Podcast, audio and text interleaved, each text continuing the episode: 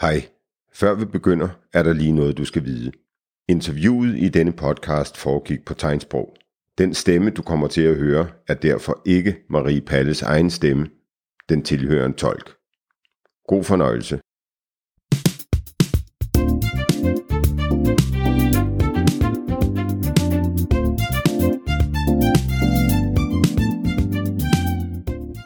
Velkommen til et kvarter med CFD.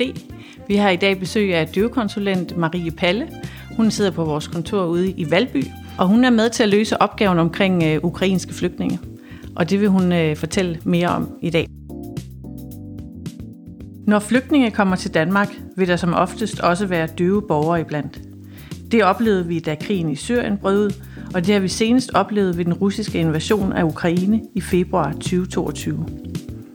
CFD's døvekonsulenter spiller en særlig rolle i den sammenhæng. Det ser vi nærmere på i denne podcast.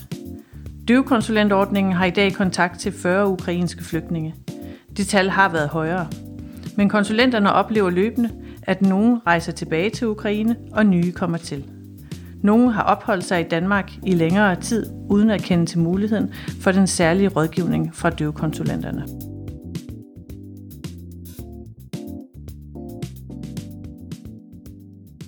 Velkommen til dig, Marie. Tak.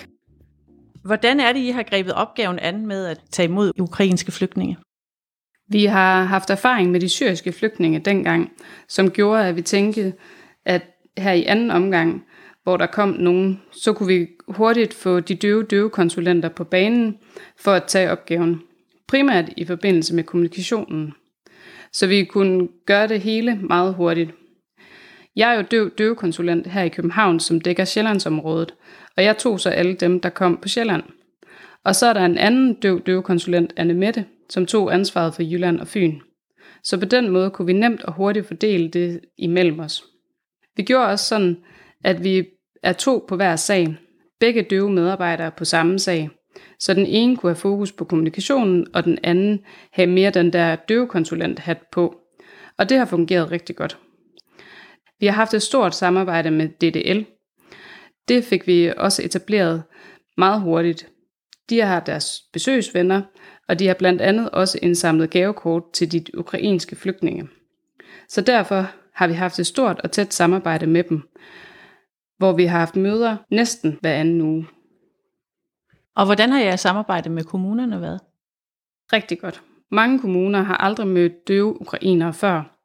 Det der med, at det var på et andet sprog, og hvordan skulle de nu kommunikere, og hvilke tilbud var der egentlig.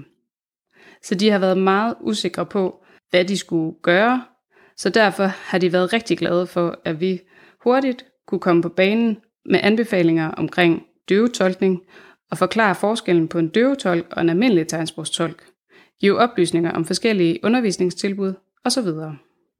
Og når du siger undervisning, så er det selvfølgelig undervisning i dansk tegnsprog. Ja,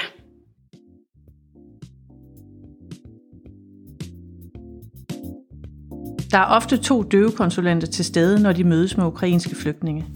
En med fokus på sproget, og en med fokus på det socialfaglige. Ved møder med kommuner og andre eksterne samarbejdspartnere bruges en såkaldt døvetolk. Det vil sige en tolk, der selv er døv. I tolkningen arbejder døvetolken sammen med en feeder. Det er en hørende tegnsprogstolk, som fodrer døvetolken med tegn. Døvetolken tilpasser derefter kommunikationen til borgerens tegnsprogsniveau.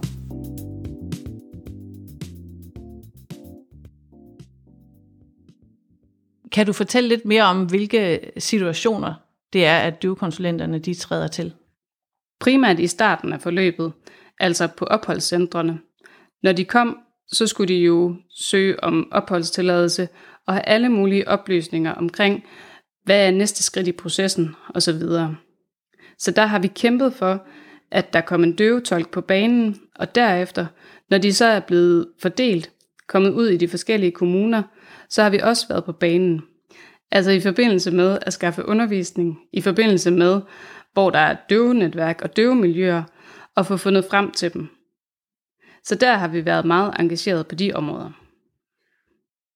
Hvilke rettigheder og muligheder har øh, en døv ukrainer? Hvad har de sådan været vant til? Ukraine er et stort land men vi har været så heldige, at DDL arrangerede et oplæg fra det ukrainske forbunds formand, som selv er døv, hvor der blev forklaret om, hvad vi skulle være specielt opmærksomme på.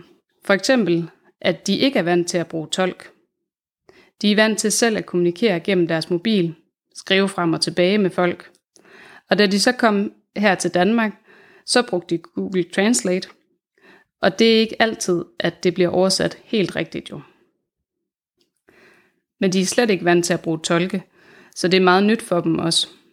Hvor de ligesom også har skulle øve sig i det.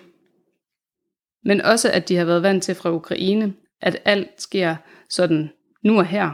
Her i Danmark er der jo sagsbehandlingstider. 4-8 ugers sagsbehandlingstid. Så det er en mere langsomlig proces end i Ukraine, hvor det bare sådan er foregået her nu. Så det har været frustrerende for dem. Men også det med det digitale, der har været udfordringer. For her i Danmark er vi langt foran med NemID, MitID, e-boks og alle mulige ting, som de slet ikke er vant til i Ukraine. Så det har de også skulle lære at bruge her. Så det har ikke bare været at komme hertil, selvom det jo ikke er så langt væk. Det har været, der har været mange ting at lære. Kan du fortælle lidt mere om, hvad det er for et sprogligt udgangspunkt, de ukrainske flygtninge har? Er, der sådan, er de alle sammen på samme niveau, eller det varierer det meget? Efterhånden har vi fundet ud af, at det har været meget afhængigt af to ting. For det første alder, og for det andet deres sprogforståelse. Vi har oplevet mange fra den ældre del af gruppen, de har haft svært ved at kommunikere med os, fordi de har været ret fastlåste i deres ukrainske tegnsprog, hvorimod den yngre gruppe, de har haft lidt nemmere ved denne her proces, og har talt lidt internationalt tegnsprog og lidt danske tegn indimellem blandet sammen. Og det interessante er, at i den, her, i den gruppe, jeg har haft med at gøre, der har, været, der har kun været en, der kunne internationalt tegnsprog, og resten har ikke kunnet noget internationalt. Det har også noget at gøre med, hvilken by man kommer fra, om det har været en storby eller en lille landsby, og man har været vant til at rejse i udlandet, til sportsarrangementer, til døve-UL osv., og derigennem har lært noget internationalt tegnsprog. Og det er der mange af dem, der aldrig har gjort. De er bare blevet i Ukraine og har omgået ukrainere. Så derfor har det været lidt svært i starten, hvor de også har skulle prøve ligesom at vende det sproglige om til, at nu er vi i et andet land og skulle lave tegn på en anden måde og finde ud af, hvordan de skulle gøre det. Jeg har for eksempel haft kontakt til familier, hvor der var en yngre, der fungerede som en slags tolk. De ældre, som har haft svært ved at kommunikere, har været lidt utrygge, og så har de følt sig mere trygge ved, at der har været en ung med. For de unge, de har været lidt mere åbne i forhold til at prøve at kommunikere og snakke med os. Og hvor stor en del af din opmærksomhed er det så at sikre, at I forstår hinanden? Altså, der er jo det socialfaglige del af det, men det lyder som om, at kommunikationen bare også rigtig fylder meget. Til sådan interne samtaler, eller samtaler bare hos mig, så har jeg jo ikke brugt døvetolk. I starten var vi to på sammen, hvor den ene havde fokus på kommunikationen og vise tingene visuelt. Vi har været meget konkrete med, med at give eksempler. For eksempel sygesikringskortet så har vi taget det frem og vist det, eller vist et billede af det, så de nemmere kunne forholde sig til det. Eller e-boks for eksempel, der har vi simpelthen vist ikonet på mobilen, og på den måde gjort det meget visuelt. Fundet visuelle materialer, for eksempel håndalfabetet, og oversigter over månederne, så man har kunnet pege på de forskellige ting. Og så efterhånden har de kunne lære noget mere af tegnsproget. Vi har fundet et fælles sprog, hvor efterhånden, som vi har lært hinanden bedre at kende, så er kommunikationen gået nemmere og nemmere. Ved du, om der er nogen af dem, der har fået arbejde eller er ude i beskæftigelse? Nogle har fået arbejde, ja, og det går rigtig godt. Men en stor gruppe har desværre svært ved at få arbejde. I forvejen er det jo også svært med arbejdsmarkedssituationen nu og her, ikke?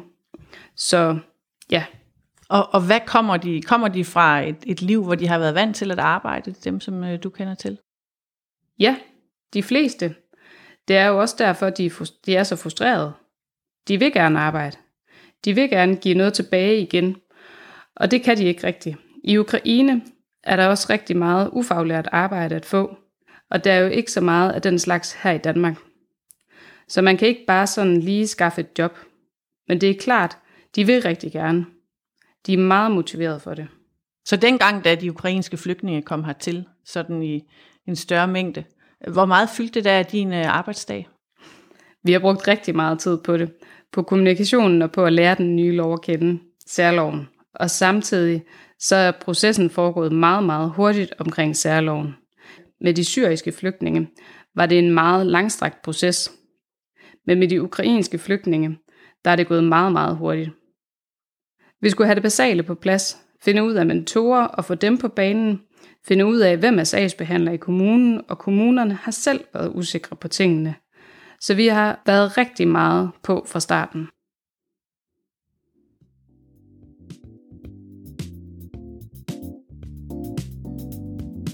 Særloven, som ofte omtales, når vi taler om gruppen af ukrainske flygtninge, er en suspendering af de normalt gældende asylregler. Den skal sikre, at ukrainerne ikke skal igennem det almindelige asylsystem, men at de kan få opholdstilladelse med det samme, og dermed komme hurtigere ud at bo, arbejde, gå i daginstitution og skole i det danske samfund. Nu fortalte du tidligere, at, at du dækker Sjælland, og din øh, kollega Anne Mette, hun har Jylland og Fyn. Så når du mødes med en ukrainsk flygtning, og du siger, at I er to øh, konsulenter på, så er det ikke dig, med Mette, så er der faktisk en anden fra Valby-kontoret, som også er, er involveret i det, og det samme øh, i Jylland og Fyn. Ja, vi har været lidt heldige her i Valby. Vi har været tre døve medarbejdere, hvor de kun har været to i Fredericia. Men vi har så hjulpet hinanden på tværs også. Det, det vil sige gennem Skype, for eksempel, hvis en har haft ferie, eller der har været overlov, forskellige ting, jamen så har vi kunne kommunikere igennem Skype, gennem telefonen og på andre måder. Ukrainerne har også været meget gode til at bruge deres mobiler, og vi har talt tegnsprog gennem mobilerne, og på den måde kunne vi kommunikere på tværs af landsdelene. Men i dag, hvor de fleste af dem ligesom er etableret, hvad er det så for nogle situationer, du møder dem med i? Er det sådan opfølgningsmøder, eller, eller hvad kan sådan dukke op, som gør, at I som døvekonsulenter skal på banen? Det er stadig meget omkring undervisning og job, hvad hedder det, arbejdsmarkedet. Og det med rettighederne til at få tolk og forskellige ting. Og mange af dem har jo desværre haft en meget lang proces i deres kommuner, hvor de først egentlig er startet på undervisningen nu. Der har været brugt rigtig meget tid på at rykke og finde ud af processen. Og på samme måde altså er det først nu, at der er faldet lidt ro på. Og det er først nu, at vi også har fået vores hørende kollegaer på banen. Så nu kan vi godt være en døv og en hørende kollega sammen om sagerne. På sigt så begynder vi at skulle fordele sagerne, som vi plejer at gøre, så alle får deres del af det. Men der er faldet mere ro på nu.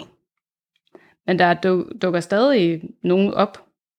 Nogen, som har været her lang tid, men hvor kommunerne ikke har været klar over, at vi fandtes. Så det betyder, at der også er lige er kommet tre nye på et par måneder. Så der starter vi jo forfra igen.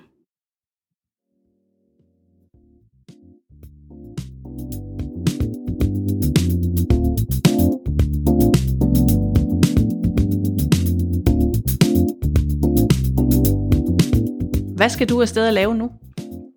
Jamen, så skal jeg hjem og lave administrativt arbejde.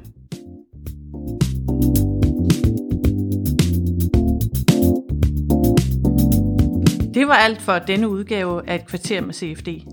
Hvis du vil vide mere om døvekonsulenternes arbejde med ukrainske flygtninge, så kan du kontakte Marie på mnp Du kan finde vores podcast på Spotify og Apple Podcast og de andre steder, hvor du normalt finder podcast. Ellers så kan du holde øje med vores Facebook-side og vores hjemmeside. Og hvis du synes om det, som du har hørt, så må du meget gerne tippe andre, som kunne være interesserede.